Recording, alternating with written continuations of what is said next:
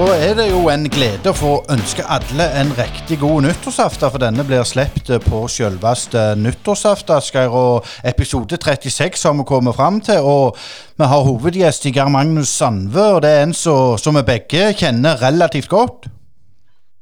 Ja, eh, du kjenner nok bedre enn meg, iallfall de siste ti åra. Men Geir Magnus er alltid en trivelig kar å snakke med. og hvis jeg er i, i, hjemme, så, så, prøver jeg å hooke tak i han. Og senest i, i, år, i februar, så, var, så fikk jeg, traff jeg han på den treningskampen i Randaberghallen. Da tror jeg rett og slett vi bare skyter videre, jeg. Og dette er det det Geir Magnus sa til oss. Vil du bo i trygge og flotte omgivelser på Ullandhaug, med gangavstand til det nye sykehuset? Sebo Eiendom selger nå fire boliger på Ullandhaug. Sebo Eiendom har over 25 års erfaring i å jobbe hardt for å skape boliger som vi kan se tilbake på i framtida og være stolte over. På jakt etter bolig? Sjekk ut seboeiendom.no. Sebo Eiendom. Du trenger ikke være stor så lenge du vet hva du holder på med. Ja, Dagens hovedgjest det er en som pleier ofte å sitte bak eh, mikrofonene sjøl. Og velkommen til Brynepodden, Geir Magnus Sandve. Ja, tusen takk. Ja, Hvordan er dette nå, når det er vi som skal stille spørsmål? Nei, det, det, går fint, det, men jeg er jo mest vant med å, å stille spørsmål sjøl. Ja, for det var liksom det jeg tenkte vi skulle, skulle ha en liten innledning på. For, for, du begynte jo i Bryneposten i uh, herrens år 1992. Eh, og Hvordan kom, kom det i stand? Ja, altså, jeg eh, hadde jo vært med i, i ungdomsavdelingen og et lag der, da. Så sønnen min spilte fotball. Og så eh, ble jeg spurt om å være med i styret, og da skulle jeg overta etter uh, han Ole Jørgen Alstadsæter, som hadde den si, jobben i styret. Og da Altså, det fulgte ikke helt med, men, men så ble jeg spurt om å, å være med som programleder i i, Jærradioen på Bryneposten, og det sa jeg ja til. Så sånn var det. Og jeg hadde jo vært med litt uh, i radioen før, så, så, jeg var med i mållaget med Klepp og Time mållag, så jeg, jeg, visste litt hva jeg gikk til. Ja, men eh, altså, det har jo skjedd en, en utvikling jeg tror òg i Jærradioen på alle de årene. Men har dere merka noe til det? Dere begynte vel eh, ja, Var det på Klepp dere så de det Røyse Sportbygget den, den tida? Ja, altså jeg, når jeg begynte, så var vi på Røysesport. Men uh, de første åra så var de på Nærbø, i det gamle meieriet. Det fikk ikke jeg oppleve, men det var på Røysesport i andre etasje. og, og si, det, det, var før uh, mobiltelefonens tid. Så vi hadde litt andre forhold der. Vi måtte ringe til fasttelefonen, og det var jo greit, det. For den, den kunne ikke skru av. Så, så, vi fikk tak i folk, stort sett. Vi gjorde det. Men, men sånn apropos, altså, er det noen sånn markante forskjeller på, på, sånn som dere gjorde den gang, og sånn dere gjør i dag, eh, du som har vært med så lenge? Eh, forskjellen er vel det at Klepp ligger litt eh, nærmere Bryne, så det var lettere å få folk til å sitte eh, som gjester i studio enn en fra Sandnes, som vi sender nå. Så, så, vi hadde oftere gjester i studio, og det, det var jo ganske gildt.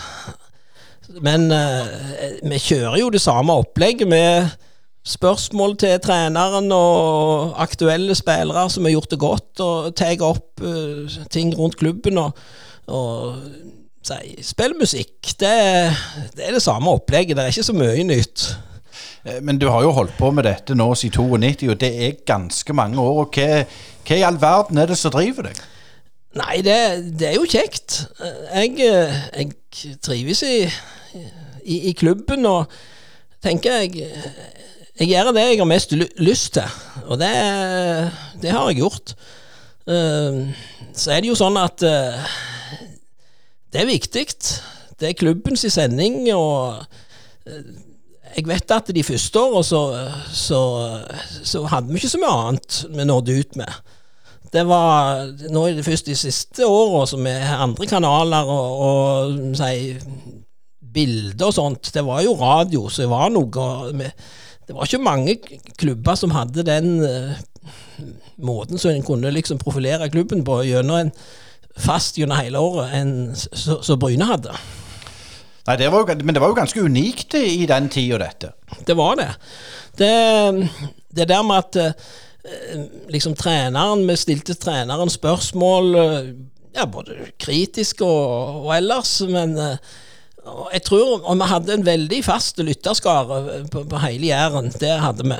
Det, vi rakk jo helt ifra Egersund til i, under gode forhold rett faktisk over Buknafjorden òg, så de, i Skudeneshavn og enkelte plasser i Tysvær og Bukken kunne de høre oss på gode dager.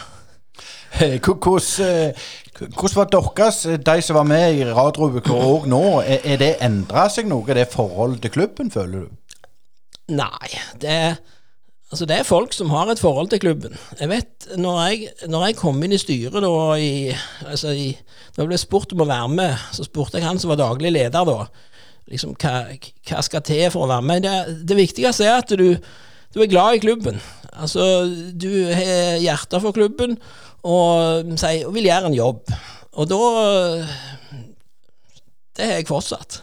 Eh, men du hadde jo litt erfaring òg med radio før, før, du begynte? Ja, med, med så meg og så en som var fra Klepp, som var lærer.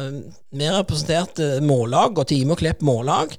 Så vi hadde nattsendinger da i 89 og 90 og 91, sånne par ganger, tre-fire ganger i året.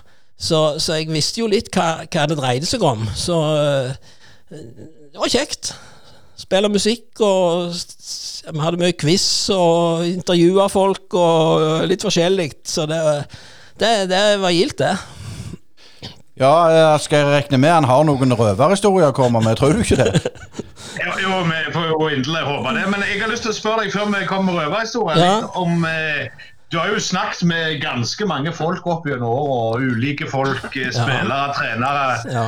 Er det noen som du husker spesielt som var overraska deg og var spesielt gode, så du husker igjen? Liksom? Altså, vi, vi har jo Hvis vi ta, kan, ta, kan begynne på, på den vi alltid pleier å intervjue først, Brynetrenerne.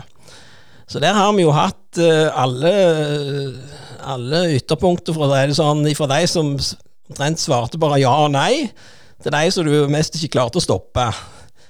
Sånn så Rein Armquist, han var jo en som uh, helst svarte med, med enstavelsesord og én setning. Var, men, men, jeg fikk etter hvert ganske godt forhold til han, så etter hvert så, så fikk vi ganske gode dialoger og kunne ha bra intervju, men det var, det var ikke alle som klarte det. Og så hadde vi sånne som så Teigen. Han var jo en, en type som eh, Han måtte jo ha spørsmål på forhånd, dagen før, helst skriftlig. Eh, så, så, han kunne forberede seg. Så, så da ble det jo liksom Hvis vi kom med noen oppfølgingsspørsmål ting som han, som han eh, ikke var forberedt på, så, så, likte han ikke det så godt. ja, og så, og så, vi jo, så hadde vi jo altså Gary Goodchild. Han han var jo òg han, han, snakket jo norsk, men han var, når han ble ivrig, så ble det jo litt over på engelsk òg, og det var jo skikkelig bra. Så, så han, han, han, likte å bli intervjua, det, det, det, husker jeg gyselig godt. Han likte det. Så ellers er alltid trenerne stilt opp. De har vært positive, og du har fått et ganske godt forhold til dem etter hvert. sånn at de, det de har jo med det at at de, de, føler at de har respekt for den jobben som vi gjør. Så, så har det vært litt krøll på tråden mellom noen av programlederne og noen av trenerne innimellom, men jeg vet ikke om vi skal gå, i, gå inn på det nå, eller? Jo, nei, du, må bare, du må bare gå inn på det. Altså, ja. Hva er det som er utfordringen? Altså, er, er, det sånn at eh, hvor, hvor balansegang går på Bryneposten? Altså, du, skal være, du skal snakke for klubben, men allikevel så er det folk med egne meninger. dette. Ja, altså Men vi, vi skal ikke drive noe sånn revolverjournalistikk heller, der vi skal liksom tyne dem hvis det er våre tap og, og, og, og slik. Men selvsagt stille kritiske spørsmål.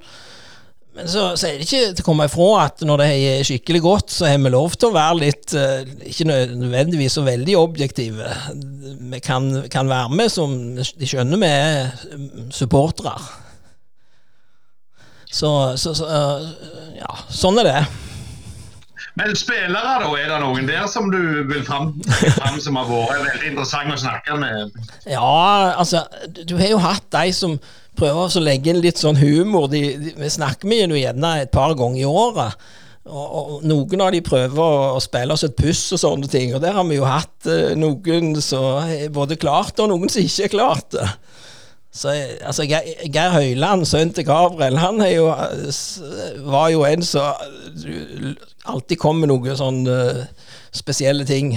Så prøvde å herme etter andre.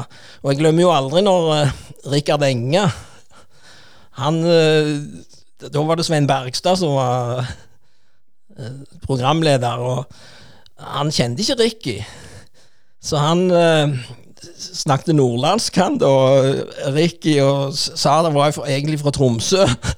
Men han hadde bodd i Stavanger et par år, og, og, og greier og Hele intervjuet gikk uh, Han stilte saklige spørsmål, uh, Svein, og, og han svarte på nordnorsk. Så eh, det ble ikke avslørt, men han, de hadde, lo godt etterpå. Ja, Ricky han er fin, vet du. Det, men, men, jeg tenker ditt engasjement til Bryne nå, nå har vi snakket om, om radio- eller Bryneposten-tida, der du fremdeles er med.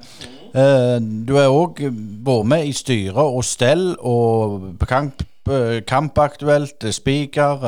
Fortell litt om hva du har vært innom. For du er jo en person på mange måter så alle vet hvem er, men ingen kjenner. Går det an å si det? Ja. Jeg liker i grunnen ikke så godt å være sånn i første rekke, men jeg, eh, jeg har jo vært med uh, si, på kamparrangementene siden si den tida, i 92, med å uh, ordne med lagoppstillingene, distribuere de til pressen. Uh, ha kontakt del, etter hvert mer med, med dommerne. Og si, hele den kommunikasjonen der fra lagoppstillingen ble kjent, og det, det har jo endra seg. Nå går det jo på data alt, og nå, særlig i år med korona, så, så, skal de ikke skrive unna på, på, på dokumentet engang, kapteinene. Så jeg har alltid hatt ansvar for at kapteinen skriver unna på, på lagoppstillingen. Og kontakt med dommerne før kampen og etter kampen. Og jeg har jo opplevd en del i, i dommergarderoben, så så eh, litt spesiell opplevelse, altså ikke andre eh, opplever, som eh, ja, gjerne ikke er så kjent heller. Nei, for du er jo i grunnen tettere på fotballen og klubben enn noen andre? Ja, altså uten, sånn som f.eks. i år under koronaen, så, så er det vel, vel bare meg og Espen Onnei i tillegg, som utenom de som er Også Janne Nese, som er si, har, har vært si, kampansvarlige sånn med å, å, sjekke folk for uh, si, om de er friske før de går inn, som har vært i, i, i klubbhuset uh, inne på spillerne.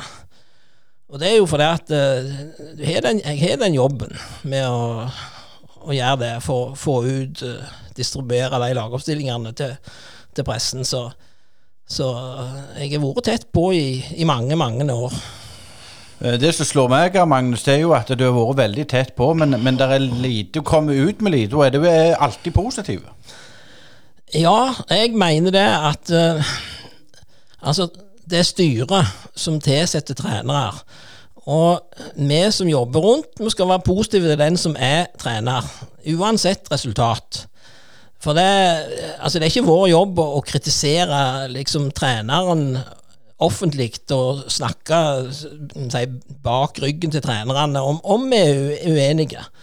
Og Har vi noe å si viktig å fortelle treneren, så gjør vi heller det si, på tomannshånd eller sammen med, med én eller to trenere.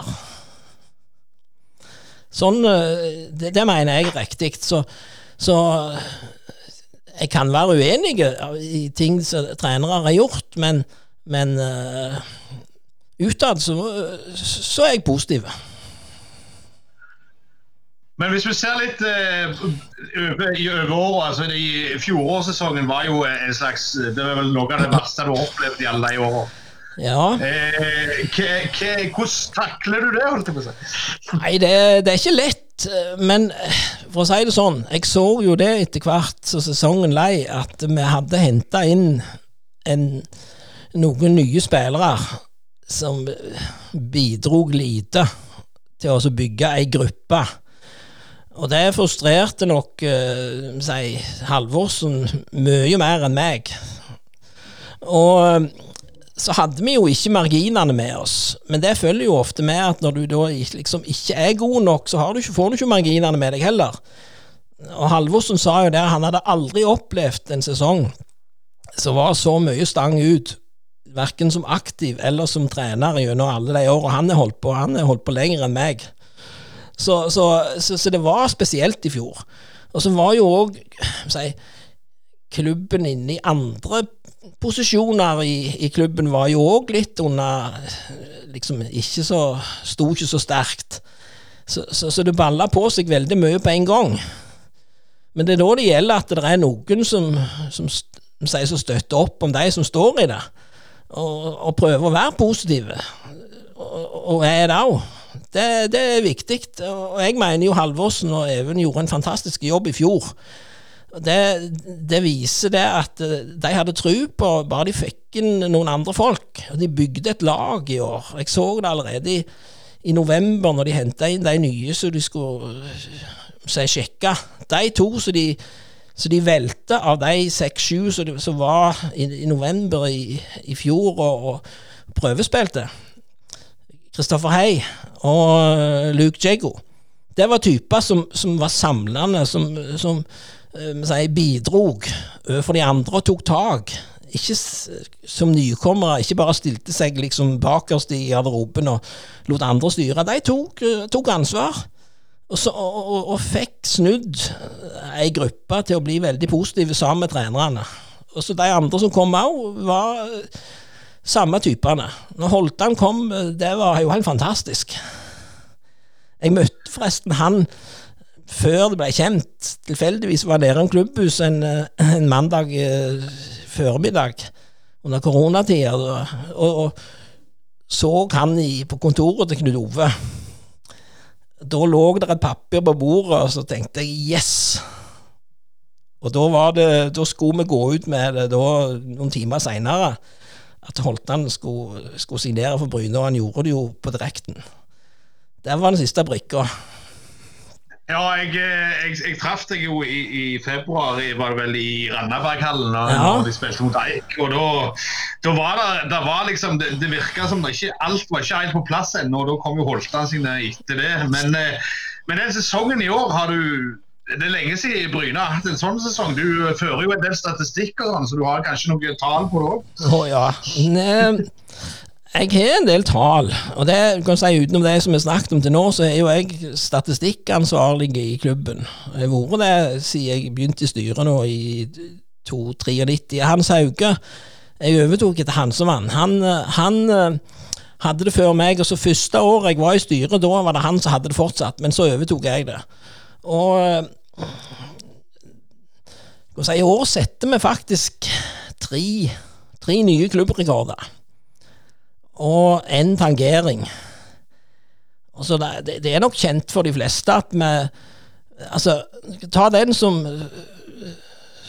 Som aldri har hendt før, er at at vi har skåret mål i, nei, i alle kampene vi har spilt i en seriesesong. Det har ikke skjedd før. At vi har en hel sesong uten å ha hatt null mål på noen kamper. Det har ikke skjedd før. Så I tillegg så har vi sett rekord i år med også, også si, på antall mål i, eh, i alle kamper på hjemmebane. Det har vi heller ikke hatt før. Jo, én gang før har vi hatt det, i 91, under Kjent Helfjord. Da, da tangerte vi den. Så I tillegg så har vi sett rekord eh, med mm, er målsnitt. Altså 2,47 mål på 19 kamper. Det er 2,47. Og det er det høyeste målsnittet vi har hatt noen gang. Så jeg Statistikken går tilbake til 1970. Jeg har ikke gode nok tall før det, men iallfall etter 1970 så er det, er det rekord. 2,47 mål. Så, så, da har jeg nevnt, nevnt de rekordene. Og så er det selvsagt 100% uttelling på hjemmebane. Ti av ti seire. Det har vi heller aldri hatt før. 100% Vi har hatt ti seire før, men da har vi hatt litt flere kamper. Enten 11 eller 13 eller 15. Så det er de fire rekordene vi setter i år. Eh, men før vi slipper Bryne-karrieren din, skulle jeg til å si, for vi skal jo innom om, om liv og lagnad litt seinere. Men, men, du er jo blitt pensjonist for noen uh, år siden. Ja. Um, du er vel en av de yngste i den jeg kaller det berykta pensjonistgjengen på klubbhuset? Eh, ja, det Jeg er det. Jeg ble jo pensjonist for to og et halvt år siden. Så den høsten, da, så tenkte jeg Skal jeg gå opp der? Ja, jeg gjorde det. Kom inn der, og alle snudde seg. Hva? Så da var det en av de som sa Hva skal du her? ja da. Jeg er nå pensjonist nå, sa jeg, men jeg, ikke, jeg ser jeg er ikke akkurat av de eldste. Så lo de, da. Og Nei, men jeg var velkommen der. Så det, det er en fin gjeng. Det, da får vi informasjon, og vi diskuterer ting. og Vi er tett på klubben som på man, hver mandag formiddag. Halvannen ti ja, ifra, ifra, halv ti, eller ifra ni-halv ti, og så utover til halv elleve, alt etter som. Så, så får vi informasjon fra trener eller daglig leder eller hvem det måtte. Og nå i det seinere tid, særlig i år, har jo både ordføreren og sier, styr, Geir Pollestad, styrelederen vært der. Og, så vi, vi, er godt oppdatert. Eh, jeg tenker litt på sånn eh, Hvis du forteller om Det er gjerne ikke mange som vet dette, for du er jo ikke født på Bryne og Time kommune. Nei, eh, altså Sandve-navnet kommer fra Sandve på Karmøy. Og jeg ble født i Haugesund, og så jeg bodde de første leveåra på på Karmøy. Men så var faren min han var jo lærer akkurat som meg, og han reiste så, omtrent så langt nord i landet du kunne komme. Når jeg var to og et halvt år, på en ungdomsskole oppe i Havøysund, i, eh, si, i, i Måsøy kommune, som er den nordligste si, plassen i, i Norge på, på fastlandet.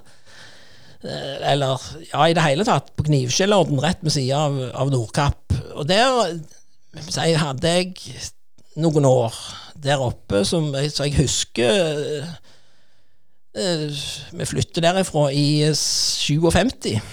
Så jeg husker hvordan det var i Finnmark, med reinsdyr som gikk uh, rett utfor dørene.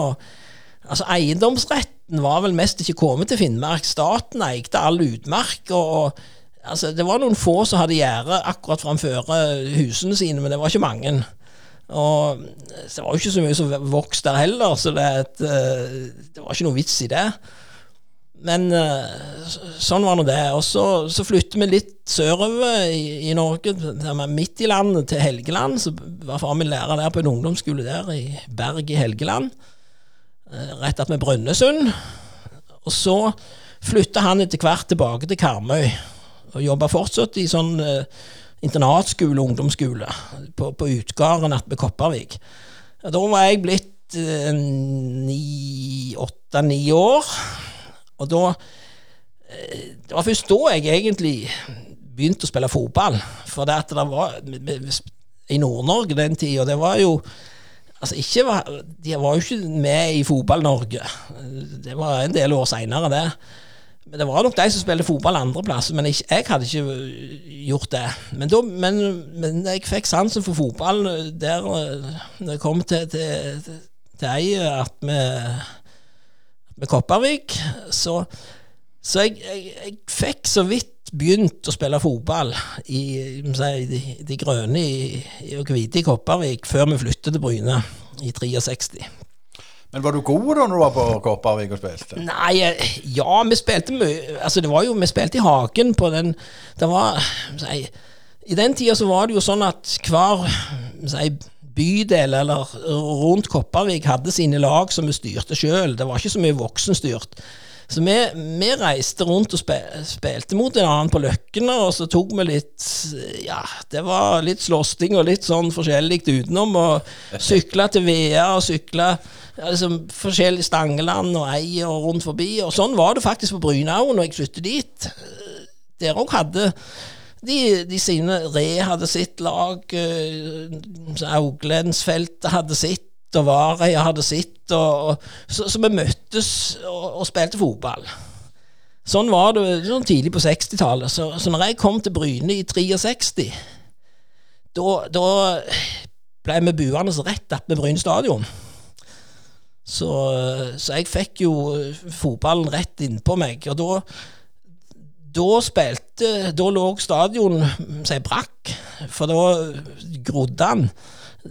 Da spilte de kampene på toerbanen. Så, så når, i 64, da, da hadde de sesongåpning mot Brann på det nye stadion, eller på, på hovedbanen. Og, glem, og, og, det var jo den legendariske kampen der Kjell Ura og Kniksen uh, røyk i hop.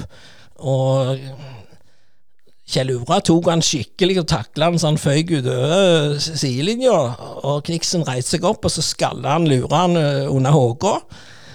Og Kniksen ble utvist. Og da sto jeg med gjerdet og så på dette her. Det var liksom den første opplevelsen jeg husker fra hovedbanen på Bryne. Men jeg, jeg, husker jo godt så tre dager etter vi hadde flytta til Bryne da, høsten før, når de spilte på Torbanen, da møtte de Brann i en cupkamp. Og Bryne skåret etter ett minutt og leda 1-0. Og da var Brann Norges beste lag. Og, men de snudde kampen og vant 2-1, så vi ble slått ut. Så, så ja, det var jo i starten på Johannes Volds historietid. Så han var jo en fantastisk fotballspiller. jeg, eh, jeg hørte jo det når dere intervjuer han her og fortalte fra den tida. Det, det, det, er kanskje det mest eh, kjekkeste jeg har hørt av alle, alle innslagene som dere har hatt. Så, så, så det, var, det, var en fantastisk tid, det. Men, men, sånn eh, fansmessig, altså når du snakker på ja. 60-tallet, sånn, altså, ting har jo endra seg. Eh, det var jo ikke noe som hadde drakter og, og skjerf og sånn nesten i den tida. Eh, hvordan var det da altså blant ungdommen på Bryne? Snakket dere om fotball og sånn, eller var det sånn dere eh, innimellom og, og spilte helt seg sjøl og, og, den slags? Vi, vi, spilte Vi lurte oss til å spille på stadion, selv om vi hadde Jakob Lie, han var jo vaktmester, så han likte det ikke så greit godt, men vi gjorde nå det, ikke på hovedbanen, men i, på, bort på Trierbanen, sånn utenom. Det gjorde vi jo. og jeg bodde jo rett attmed banen, da, så vi var noen kompiser. så da, da, var det jo alltid dans på, på, på planen på lørdagskvelden. Og vi var jo sånn 12-13-åringer. og Da var det om å gjøre å stå opp tidlig på på søndagsmorgen og gå ned og komme der før Jakob for å se om vi fant noen penger som lå igjen. og se om det var noe. Vi samla jo på bruskorker, husker jeg noen. og Sånn sjeldne bruskorker og litt sånn forskjellige flasker med litt sånn som Jeg husker vi hadde en ganske eh, god samling med sånt.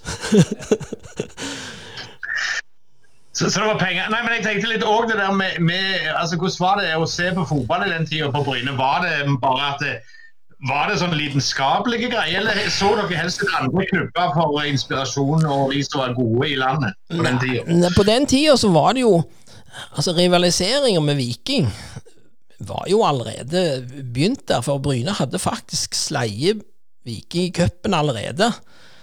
En gang før jeg flyttet til, til Bryne.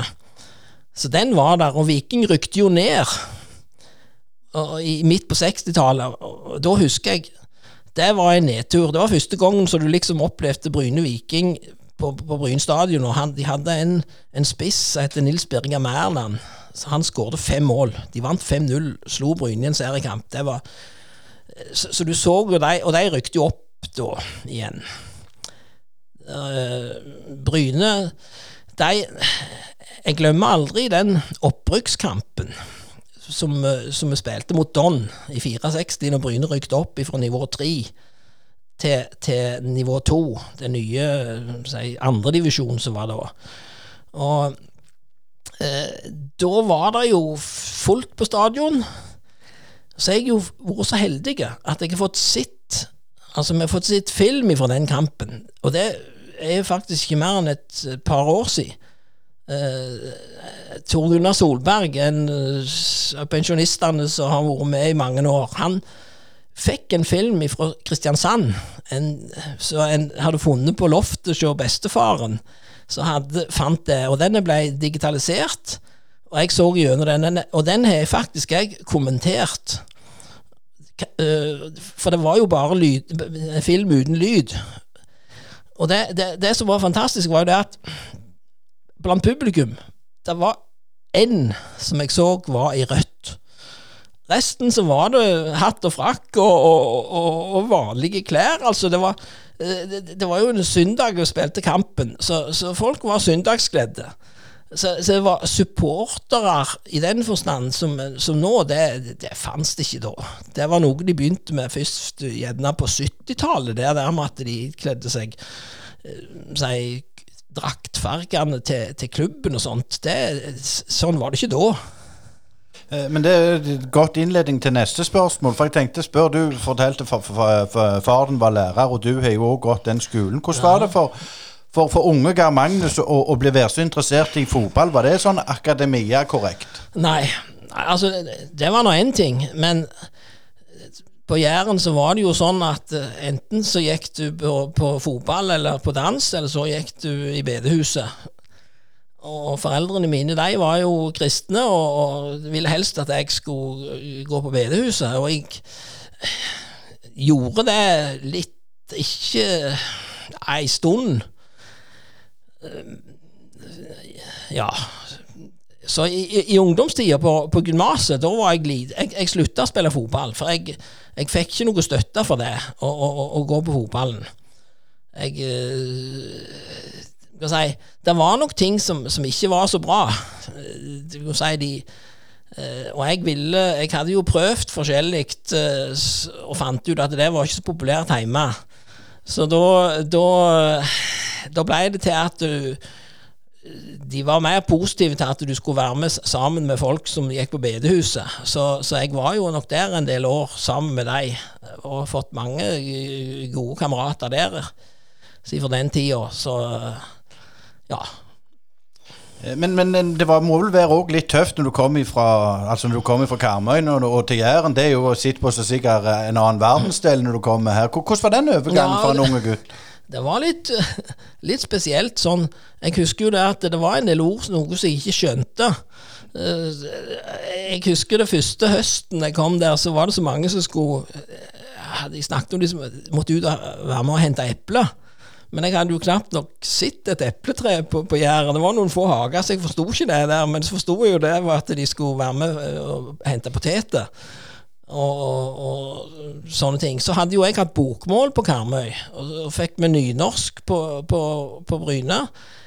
Ja, Det gikk jo greit, det, men det var jo noen ord sånn i grammatikken og sånn, så jeg husker de snakket om bunden form. Bonden form, så jeg forsto ikke hva det var. Det var bestemt form. Så, så, så det var litt sånne begreper som, som, måtte endres, men det var ikke noe problem, egentlig. Så det, det gikk greit, det. Men eh, kom, kom, du snakket du Karmøy-dialekt når du flytta til Bryne? Eller, eh, ja. Eller, var det sånn blanding eh, av alt mulig? Blanding av alt mulig. For det at uh, jeg hadde jo bodd i Nord-Norge, som sagt. Og vi er fire søsken, og vi har vel ja, forskjellige dialekter alle sammen. Så jeg la om til jærsk, men jeg, hvis, når jeg er på Karmøy, så kan jeg legge om hvis jeg vil. For jeg eh, kan jo si det at eh, når jeg var ferdig Jeg har jo studert i Trondheim òg.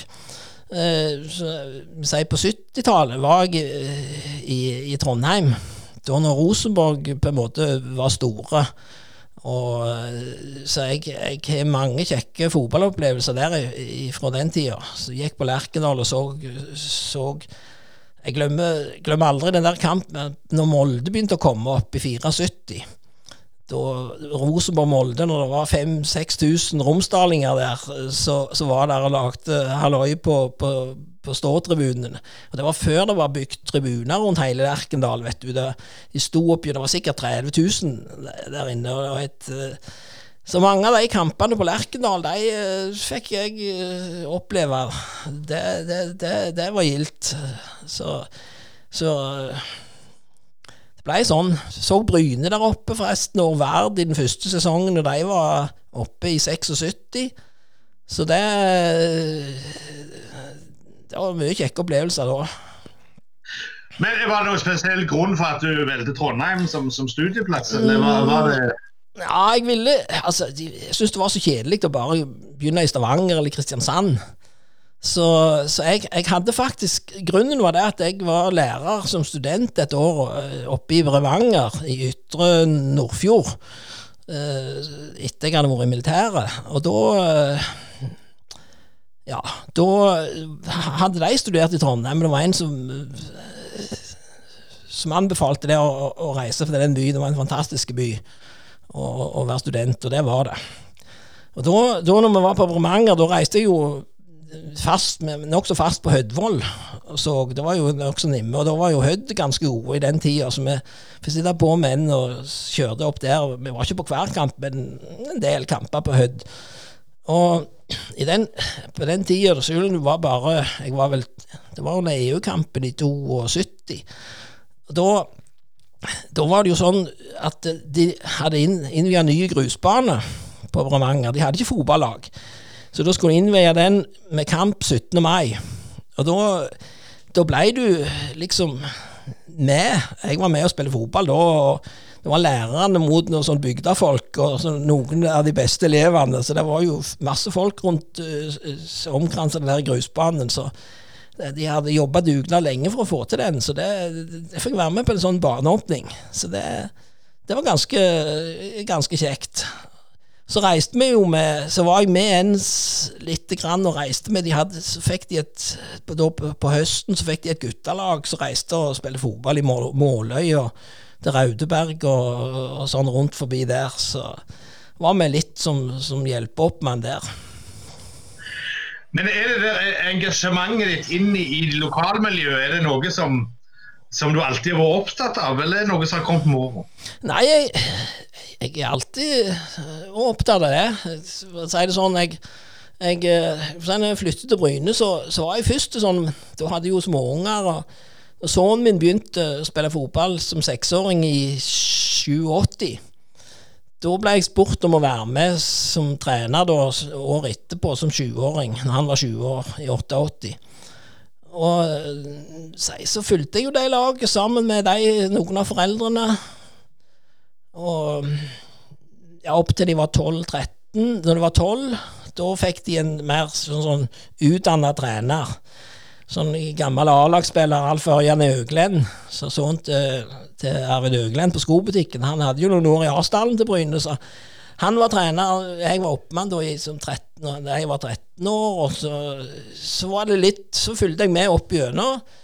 Så det var på den tida så kom jeg jo inn i, i styret, da, så jeg, jeg var med på, på mye. Så hadde jeg to det var først med fire år i styret, så hadde jeg en pause. Da var jeg leder av, eh, sportslig leder av ungdomsavdelingen i klubben. Og så var det fire nye år i styret da når vi rykte opp i 99 og fram til 2001. Så jeg har mye fra den tida. Men hva Eh, altså, Jeg eh, traff deg jo sånn skikkelig første gangen. Da satt du jo og var spiker på tolagskampene på, på mandags ettermiddager. Ja. Eh, kanskje ikke de kampene der er flest folk som går på. Eh, men, men eh, du har jo sett ganske mye talent opp gjennom eh, på, på iallfall tolaget og, ja. og forbi. Altså. Men det er jo flere av disse talentene som vi har sett og håpt og lest om. og så fordufter de eh, med tida. Men, men, er det noen som du kan huske av talent som du på en måte hadde trodd skulle bli noe vanvittig stort, og så har de bare gått i mopeden? holdt jeg på å Eh, ikke akkurat i mopeden, men, men gjerne andre ting. Og, og, og si, jeg har jo alltid sett pris på å se toerlaget. Eh, så derfor sier denne sesongen har jo det vært egentlig et savn. Selv om vi har hatt en fantastisk sesong med A-laget, så, så, er det ikke Så, så, så har det vært et savn. Men, men, men, når det er sagt Det å fylle toerlaget, det er da du ser liksom hva, hva klubben får fram av egne talenter. Og det det har vært med, Jeg kan jo nevne ikke om jeg skal nevne navn, Annbjørn Ree f.eks. En fantastisk eh, spiller opp gjennom aldersbestemte. Han ble tatt opp i Arsdalen på alder med Knut Sirevåg og, og, den gjengen. Spilte sin første seriekamp, en av de første, mot Vålerenga, borte. Så la han opp tvert. For det var, det var tøft som unggutt, så han satsa på musikken. Og en fantastisk fotballspiller, men uh, lyktes gjerne ikke helt akkurat så godt som han hadde tenkt. Så har vi hatt andre som har vært innom. Jeg husker en som het Alexander Ladsten, som senere som var innom uh, gikk gradene. Han var jo en spennende type. Det var noe Teigen. Han òg slutta tvert. Sånne offensive spillere. Det har vært mange som har vært gode, som, som ikke nådde A-lagsstallen. Og så er det noen som nådde akkurat A-lagsstallen, som stagnerte der. der er, nevne, jeg vet ikke om vi skal nevne så mange navn, men det har vært mange. Uh, vi må litt innom om, uh, om uh, litt politikk og, ditt virke som lærer. For, for litt sånn artig det poenget. Politisk, det skal være rødt der òg. Ja, jeg Altså, når jeg kom til Bryne, så så jeg var jo radikal fra studietida, og jeg, jeg, Sånn som på Karmøy, så holdt jeg jo Klassekampen, og det var jo, visste de jo om der, så Så, så, den hadde jeg jo på Bryna òg, og, og, jeg jo, ble jo kjent med de i miljøet her, som, som, var Da het det jo ikke Rødt, da var det jo si, Det var vel Rød valgallianse det het det her, het da. Så jeg sto jo på lista i, i både Iallfall et par kommunevalg, langt nede riktignok, så det, det, hadde ikke så mye å si hvor du sto på lista hen, egentlig, men jeg, jeg, jeg var ikke sånn som fronta det. Men jeg støtta opp om det, det gjorde jeg. Så altså nå, nå er den si, partipolitikken blitt mer sånn Jeg er ikke så, så, engasjert i det. Kommunepolitikken har jeg aldri vilt uh, gått inn i. Så, men jeg har jo meninger om ting som, uh, som de gjør her. her jeg synes ikke det er alltid, altså Den partipolitikken som er i, i, i kommunen, den følger jo ikke alltid det det som er på riksplan. Det, det, det, er mer folk som får til ting, eller som ikke får til ting, syns jeg eh, er viktig der. Men, bare litt spinne litt videre ja. på det. Hvor, hvor, den, hvor tror du du har den, den, det engasjementet ifra? Nei, det var jo i studietida. altså og så, og så hadde jeg, jeg hadde noen lærer, en lærer på, på, eh, på ungdom, faktisk siste år på barneskolen og ungdomsskolen, og etter hvert og på gymnaset, som, som, som flytta skole opp sier, litt før meg. En som heter Rolf Anda. Han en, hadde tidligere vært gullsmed, begynt som lærer i voksen alder. Han var som drev med esperanto, blant annet, og var veldig interessert i historie. og han, han, var en person som, som hadde kunnskaper, og, og han var radikal, forsto jeg. Og øh, var en sånn som, som, som jeg uh, Så hadde jo en som het Kjelmeland på gymnaset, var historieinteresserte. Han sa jo ikke at han var radikal, selvsagt, men, men jeg forsto det jo på, på altså, måten å se ting i samfunnet på. Det fikk jeg nok litt der. Og så når du kom til begynte å studere i Trondheim, der var jo et vanvittig bra studentmiljø og stor, radikale bevegelse. Så gikk i studentersamfunnet der, og altså, musikk er jo òg noe som jeg har vært opptatt av. Så forresten akkurat Det var der i Aftenbladet med at si, det var I 1975 så hadde Prudence sin avskjedskonsert, sto det hva som hendte de ulike årsdaler. Og det, Den var jeg på, husker jeg. Det siste med, med, med Terje Tysland og, og Aleksandersen og de hadde avskjedskonsert i, i Studentsamfunnet. Så det Å, fillen, er det så lenge siden? 45 år siden! Men, men eh, jeg, jeg, har lyst til å følge opp litt det der sporet. For, for det å komme og være eh, holdt på å si, relativt radikale på Jæren altså, Jæren er jo ikke kjent som et, et område av landet hvor eh, det, altså, Verken Arbeiderpartiet eller lenger til kommunistene, kommunistene har stått veldig sterkt opp. Altså, var det noen utfordringer på det? Altså, var det sånn en liten gjeng som hadde vært stedet der, og så gikk resten rundt og bare rista på hodet av dere? Eller fikk dere ikke høre for noe da dere kom? Nei, altså, jeg, jeg har jo aldri hatt det der. Sto aldri i fronten på det, men folk visste jo at jeg sto på Rødt sine liste, eller Røde valgalliansens liste, men jeg ble allikevel spurt om å være med i, i, i styret i, i klubben. Så, så, det var ikke noe problem der. Noen av de som det var jo av de som var nokså radikale, som òg var med i klubben. Så, så både Kjell Olav Stangeland og, og, og Reidar Aase, som faktisk spurte meg om å være med i ungdomsavdelingen, eh, de, de var jo nokså radikale. Og, så, så, så, det var ikke noe Det var helt greit, det. Bryne fotballklubb har jo hatt all slags folk med all slags meninger, i grunnen. Takhøyden har vel gjerne variert litt uh, i løpet av året, men, men uh, det er ikke vært noe problem, det. Men ditt, ditt, virke som lærer, du, nå må du rette meg hvis jeg tar ja. feil, men du, er det Rossland skole du har flest år? Jeg, jeg har faktisk vært tilsatt på Rossland skole, var i 38 år. To av årene var jeg på Bryne skole. Det var, var jo når de, eh, jeg skulle bygge nytt for ca. ti år siden. Ti-tolv blir det vel. ja. Så da var jeg to år på Bryne skole. Men ellers, jeg hadde Rosslandselever. Og du kan si det var jo et, et, et fotballmiljø. Så vi hadde jo alltid mer eller mindre hatt inne fotballspillere som, som jobba der som student, eller som etter hvert som eh, ble utdanna og kom tilbake igjen som lærere og var, har vært der. Så du kan si hvis vi skulle line opp et, et fotballag av, av, de som har vært lærere på Rosseland skole, samtidig som jeg, så skulle vi stilt ganske godt. Ja, ja, det vil jeg tro, men kan du nevne, nevne noen? Husker ja, du noen i verden? Alf Inge Haaland, for eksempel. Han har vært lærer der. Kenneth Giske har vært lærer der. Einar Braut har vært innom. Skal si, vi kan nevne mange, mange flere òg. Aram Khalili var innom. Vegard Landro har vært innom der som lærer. Eh, eh, så andre som har vært der, vært i SFO i de senere tid. Så Robert han jobber jo der nå.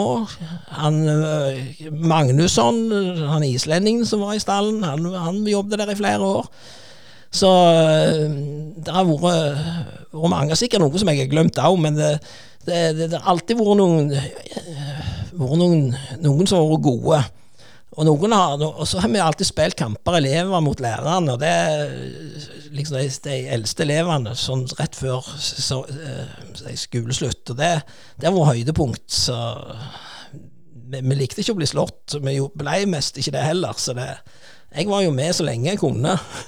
ja, men, men hvilke elever har du hatt som vi kjenner til? Ja, nei, det Altså, de som jeg har hatt Jeg var jo lærer blant annet til første, eh, ikke den første klassen jeg fikk, men den som jeg, første jeg begynte med som førsteklassinger, det var den med Jan Ove Ottesen og Geir Zahl. Det var jo fotball, men òg musikk etter hvert. Så så, så jeg, Alfie hadde jeg jo i sløyd. Alf Inge Haaland. Uh, Geir Atle uh, gikk jo på skole der. Seinere tid så har det jo vært mange andre. Alle sånne her 99, mange av de 99-modellene. Men, men Geir Atle var han like bøll på skolen som han var på banen, eller? Nei, Geir Atle var, var grei nok, han.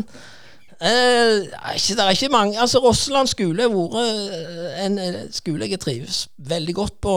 Stort sett så har det vært elevene vært kjempegreie der og har med å gjøre. Jeg hadde jo mye ofte sku, hadde jo skolelaget med opp gjennom det, så jeg var jo lagleder enten for enten guttelaget eller jentelaget, eller begge deler, alt ettersom hvor interesserte de andre var som var på sjuende trinn eller sjette trinn. Så, så, jeg har vært litt rundt forbi med, med elever sånt, og spilt fotball når de har spilt fotball, vært lagleder for dem, og så senere ble A-lagsspillere. Du har jo sett eh, Ja, sånn så Ole Martin Tunheim, han var jo en talent. Sander Rystanes. Eh, så de, og de fra gjengen 99-gjengen, eh, så Nei, det har vært gildt å være med på det. Men altså, så mange år i skoleverket så har det jo skjedd eh, noen eventyrlige endringer. altså ifra holdt på å si, kassettspiller til laptop. Men, ja. men hva, hva, hvordan generelt har du sett en utvikling som har vært i skolen? Altså, Hva er det som har endra seg, føler du, de årene? Jeg, jeg syns at elevene er blitt faktisk eh, mye greiere å ha med å gjøre. De, de er blitt mer eh, Altså, de finner ikke på så mye tull og mirakels med hverandre. Så det, det med mobbing, som, som, som var et, et stort problem i skolen, som skolen egentlig ikke innså tidligere Iallfall ikke på strukturplanet. Vi måtte jo løse den enkelte lærer i klassen, men ikke sånn som, som i det nyere. Det er blitt altså, Gjennom mange nok år så har det forandra seg. så det at det, selv om du ser nå at det er si, mobbing ute i samfunnet, så i skolehverdagen så er, er det noe som ble bedre og bedre etter hvert. Det, det er helt klart. Det, det endrer seg. Også, også, det der med Det er klart, noen vil ha det til at det er blitt så gale med disiplinen, men, men det, før var det mye bedre disiplin. Det er jeg helt uenig i. Altså, det, det var mye mer autoritært, og du var livredd for lærerne. Og så fant du på mye si, unnskyld uttrykket jævelskap utenom, så, så, så ikke lærerne visste om, og, og mer det skjulte. Det, det var mange som hadde det vondt i skolen før, og det, de ser jeg nå og prøver å gjøre det mye bedre for. Men, men sånn eh, Når jeg tenker på, på, på utvikling, altså her som jeg sitter, så, så er det Jeg ser jo på, på all slags grupper på, på Facebook og, og WhatsApp. altså Ja. Læreren blir bombardert av meldinger fra foreldrene som mener at sånn og sånn skal det være. Var, var det noen tendenser til det på Åsland og sånn òg, eller, eller er det noe som stort sett har gått klar av eh, i Norge? det, det jeg si, det er sikkert, Nå er det to og et halvt år siden jeg jobber i skolen. Det er sikkert kommet mer nå.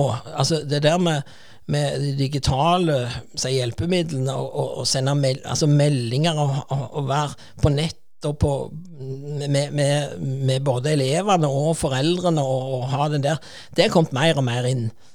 Men, men si, når jeg begynte som lærer Jeg husker første året som, som jeg begynte som lærer i, eh, på Karmøy i 1977. Da var det første året de hadde foreldremøte. Og jeg var jo ung og nyutdanna, og de lærerne, mange, en del av de hadde vært jobba i skole i mange år, de var, de var, for å si det sånn, pisseredde for at foreldrene skulle komme, og de var så nervøse. Jeg var jo ikke nervøs, for jeg visste jo ikke at det skulle være noe annet. Og det, det, det, og det der med foreldresamtaler òg begynte på den tida. Det var heller ikke noe de hadde før. Kont de, altså det var liten kontakt mellom skolen og, og, og foreldrene. Det kommer mer og mer. Og, og det, det mener jeg er, er, er veldig positivt.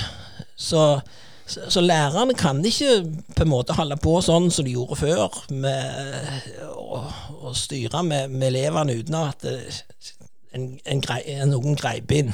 Det, var, det var ikke alt som var bra.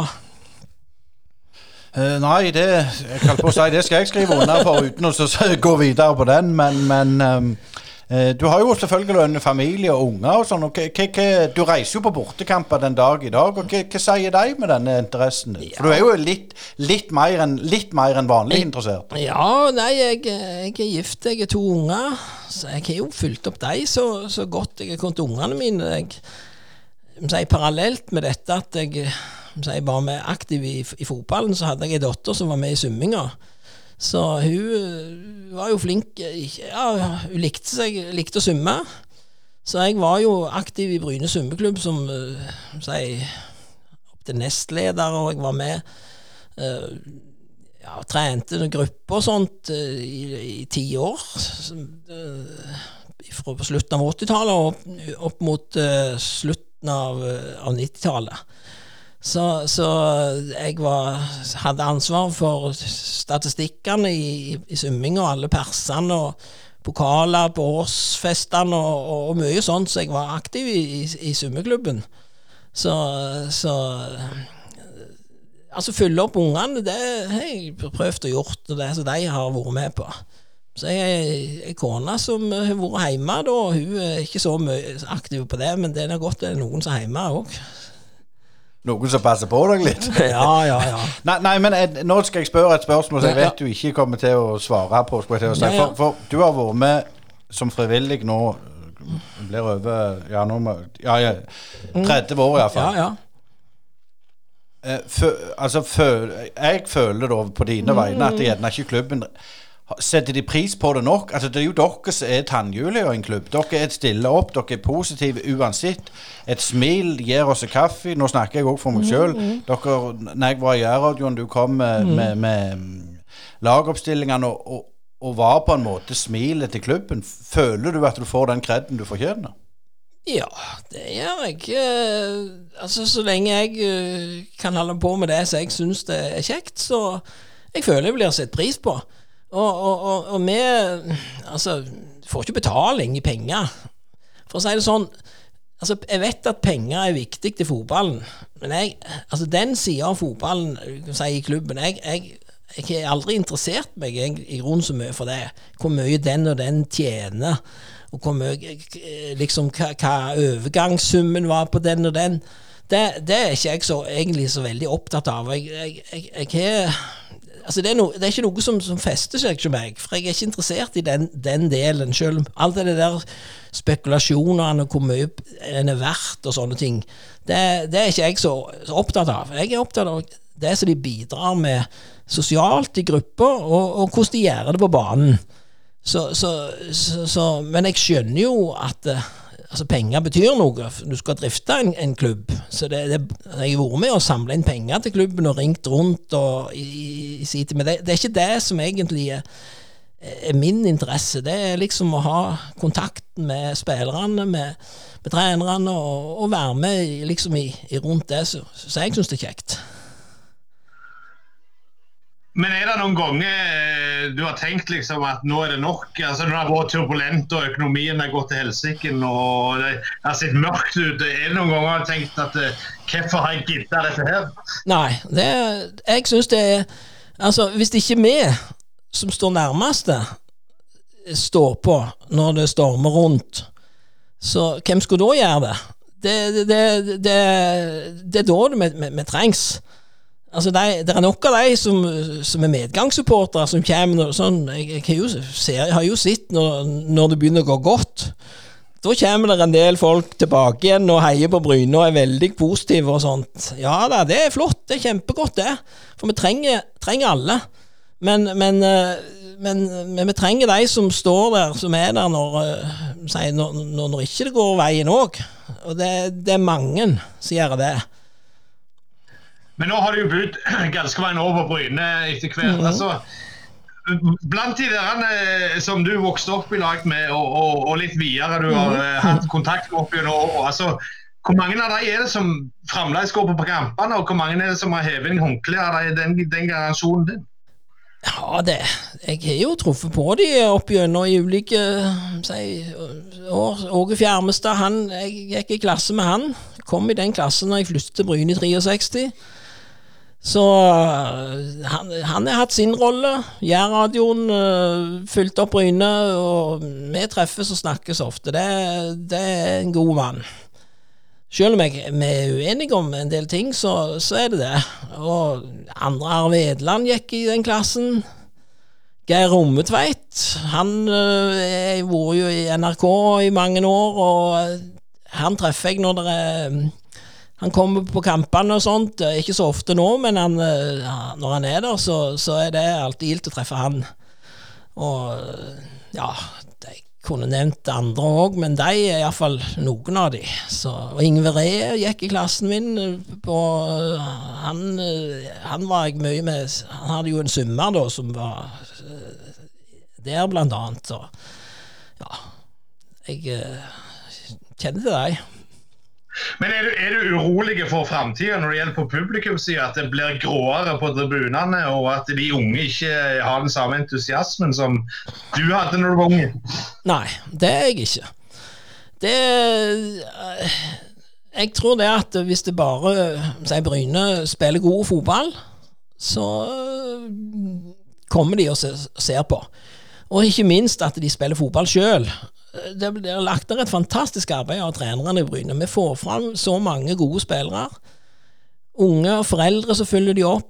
og De foreldrene som er rundt guttelaget, juniorlaget og toerlaget, de, de må en få med til å liksom være positiv til klubben. Det er ikke alle som har vært det, dessverre.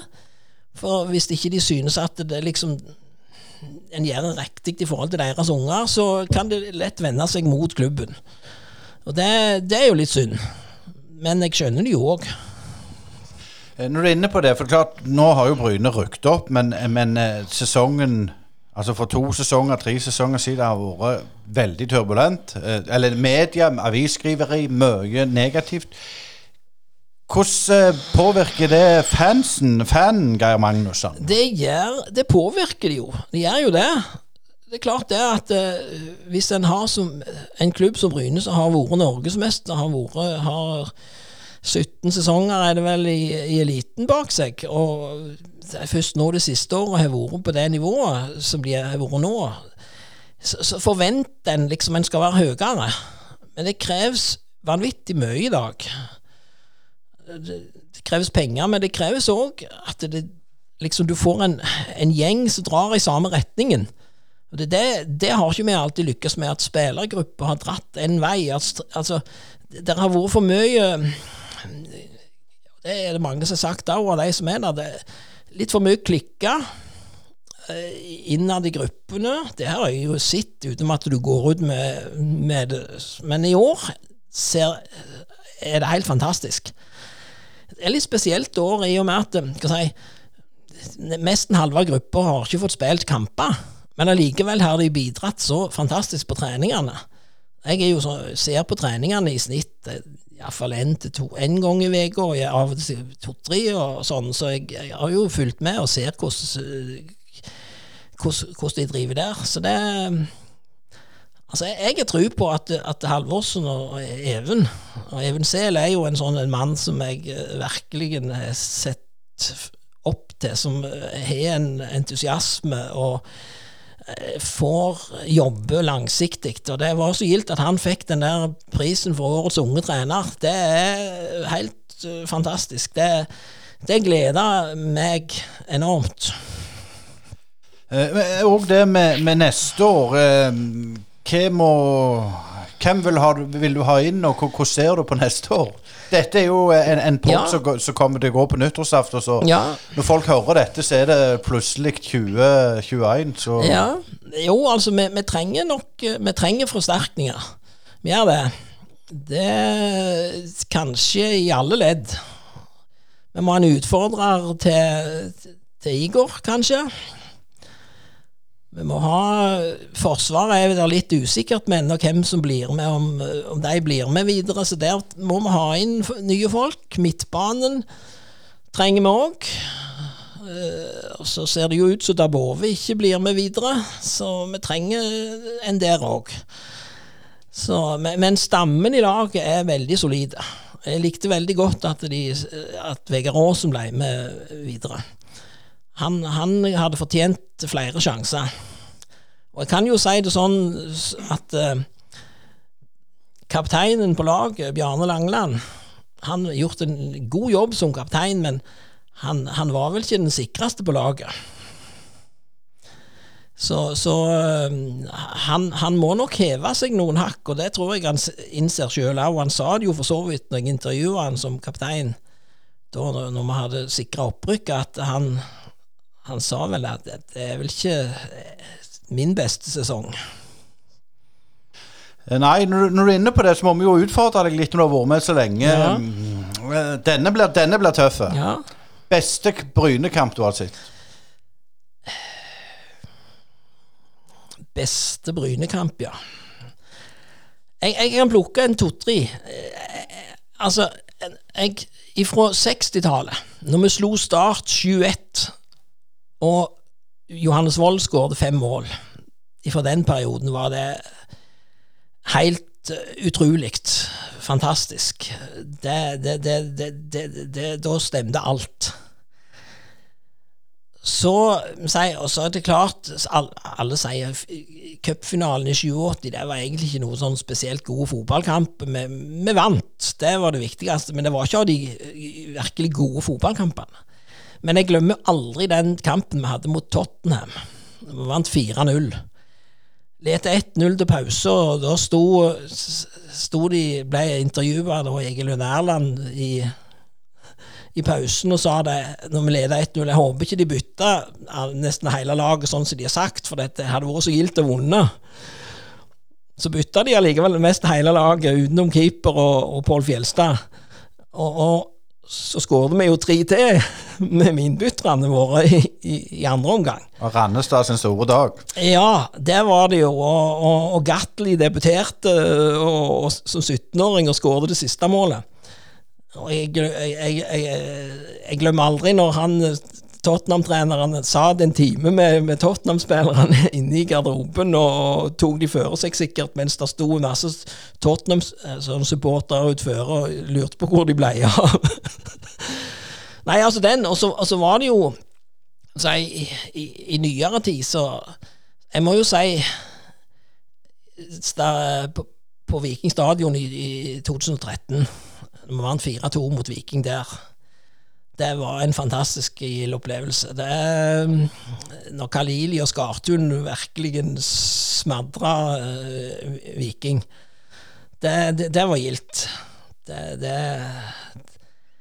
Så var det jo den Noe av det som jeg opplevde sterkest, det var når jeg, jeg kommenterte på Jærradioens slutt, altså de siste fem-ti minuttene, den kampen mot, uh, mot, eh, mot, Bærum. Når vi holdt oss da i 2015, når Bøgel kom inn og skårte det, det, siste målet på, på overtid, da,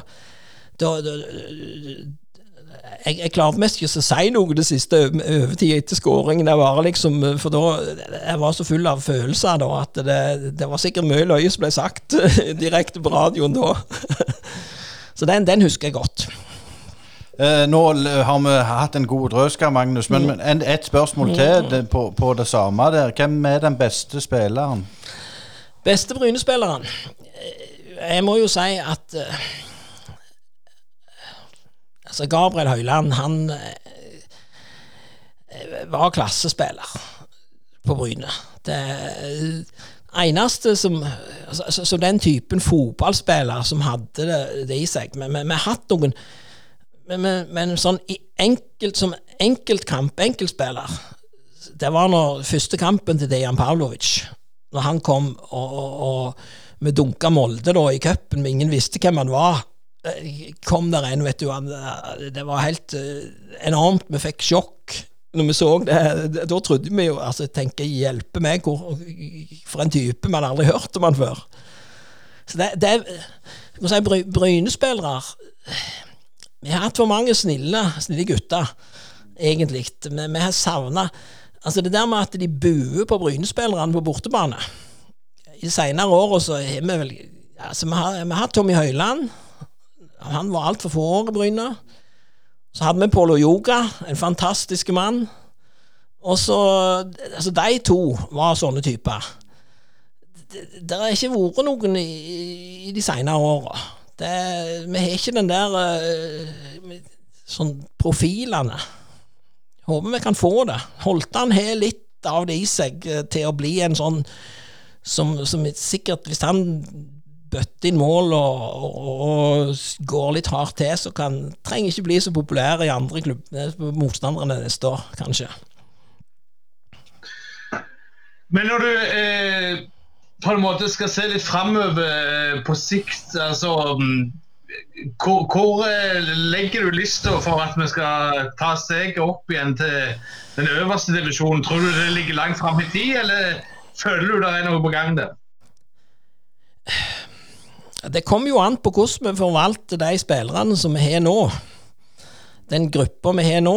De, hvis vi kan beholde dem noen år, og, og, utvikle dem sånn at de har lyst Og altså, altså, Du kan si vi, vi kan trekke til oss spillere, ikke bare avgi spillere, da, har vi noe å bygge på. Og jeg, jeg, jeg, er ikke redd for altså Halvorsen har vel sagt at han, han blir ut kontrakten, men han iallfall foreløpig så, så er ikke han signalisert at han vil, vil være, være, med videre.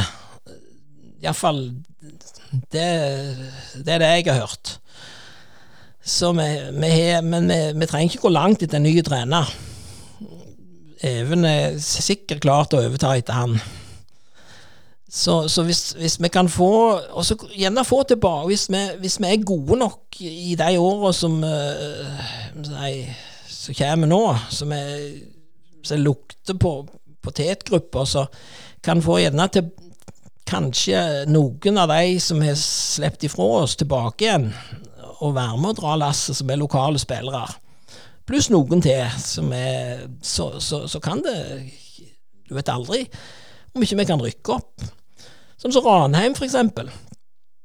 De eh, var jo, rykte jo opp og holdt seg lenge, men, det var, det, det var, men, men de ble satsa på av ikke bare av egen klubb, men også av kretsen. Det har vi dessverre ikke her i Rogaland, for her satser kretsen helst på Viking og Haugesund. Eh, og nå etter hvert Sandnes Ulf. Men nå, nå, nå, gjelder det å bli bedre enn Sandnes Ulf neste år. Det, det, det er mål nummer én. Så vi, selv om de er nye stadion, så må vi allikevel prøve å etablere oss og vi viser at vi kan på Bryne òg. Uh, ja, Geir Magnus Sandve, tusen tusen takk for du tok deg tida å være med i Brynepodden. Og ikke minst, ha et riktig godt nyttår. Tusen takk. Jeg håper det blir et godt nyttår. Vil du bo i trygge og flotte omgivelser på Ullandhaug? Med gangavstand til det nye sykehuset. Sebo Eiendom selger nå fire boliger på Ullandhaug. Sebo Eiendom har over 25 års erfaring i å jobbe hardt for å skape boliger som vi kan se tilbake på i framtida og være stolte over. På jakt etter bolig? Sjekk ut seboeiendom.no. Sebo Eiendom. Du trenger ikke være stor så lenge du vet hva du holder på med.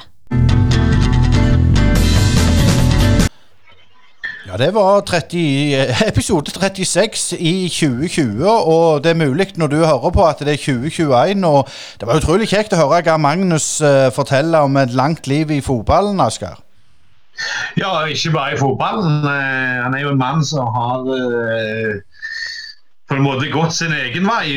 'Did it my way', som han sang Frank Sinatra. og Det er spennende å høre litt fra Gar Magnus òg, og ikke bare la han være i, i, i, enden som snakker med andre, men å la han bli trukket fram litt sjøl òg, for det fortjener han absolutt. Ja, han fortjener virkelig å få all den positive tilbakemeldingen han kan få. Gar Magnus er en kjempekar og en utrolig ressurs for Bryne. Og hvis jeg vil komme med en liten sånn spark Jeg føler gjerne ikke at eh, ja, alle klubber tar godt nok vare på de frivillige. For Gar Magnus han har holdt på i 30 år han med, med dette her og gjort en fantastisk jobb.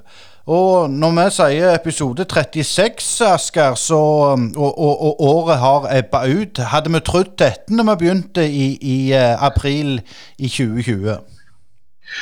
Jeg hadde vel kanskje trodd vi skulle få holde, holde på ut året, men uh, jeg, hadde, jeg, tror ikke vi hadde trodd at vi skulle få det så kjekt som vi har hatt det dette, siden vi begynte i april. Nei, og um, vi har fått veldig mye gode tilbakemeldinger, og det må vi jo bare bøye oss i støvet og si tusen, tusen, tusen hjertelig takk. Det har, vært, det har jo mest vært en ære å få lov å snakke med så, så kjekke folk. Og jeg har lyst til å utfordre deg litt, Eskar, med alle de gjestene vi, vi, har hatt. Er det noen som har uh, gjort mer inntrykk enn andre? Ja, det er klart det er noen som har eh, stått ut. Eh, jeg har jo nevnt eh, før Jeg syns Johannes Wold-episoden var, var kjekk, som Geir Magnus òg nevnte. For, for, min del så er det jo han eneste som jeg ikke hadde noe forhold til sjøl. Og da få høre om, om, hans tid i fotballen, så er det, det, det er alltid spennende. Vi har hatt Ståle Nøkland, eh, som var kjekt. Og så selvfølgelig hadde vi jo Bjarne på julaften, og det òg var jo spennende.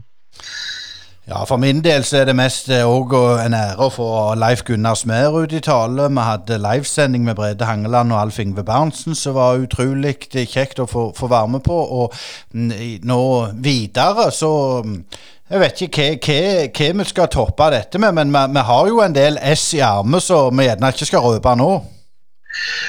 Nei, Vi må jo la folk få ta med seg litt uh, ting inn i det nye året. Men jeg tror vi kan røpe såpass at vi prøver å variere litt nå i januar iallfall. Og så lar vi ting komme litt i gang. Og så får vi spre oss litt utover Jæren i løpet av, av disse ukene som kommer. Det skal vi. Og hos, nå er det jo nyttårsfeiring, og, og i Rogaland og Jæren så er det jo ikke så veldig spennende. Du er jo vant med, med dette du òg, Asker. Men sånn så for din del i Israel, er det noen eh, måter å feire nyttår på som du er vant med, eller er det helt annerledes? Nei, Det er nesten ingenting. Altså, det, det, er ikke noen raketter, og, og, det er vanlig arbeidsdag 1.1. Så her merker vi veldig lite til nyttår. Så det blir nok bare en liten eh, drink på meg sjøl, og, og, takk for det gamle. Og jeg håper at du òg får eh, fire nyttårsfeiring, Øystein. For eh, selv om vi har stor avstand, så tar vi og løfter et glass til hverandre for dette året som har gått. Det gjør vi, Asker. Det var en ære og en glede å samarbeide med deg i året som har gått. Og Asker Uland, Øystein Nygaard ønsker alle trofaste lyttere et riktig godt nytt år.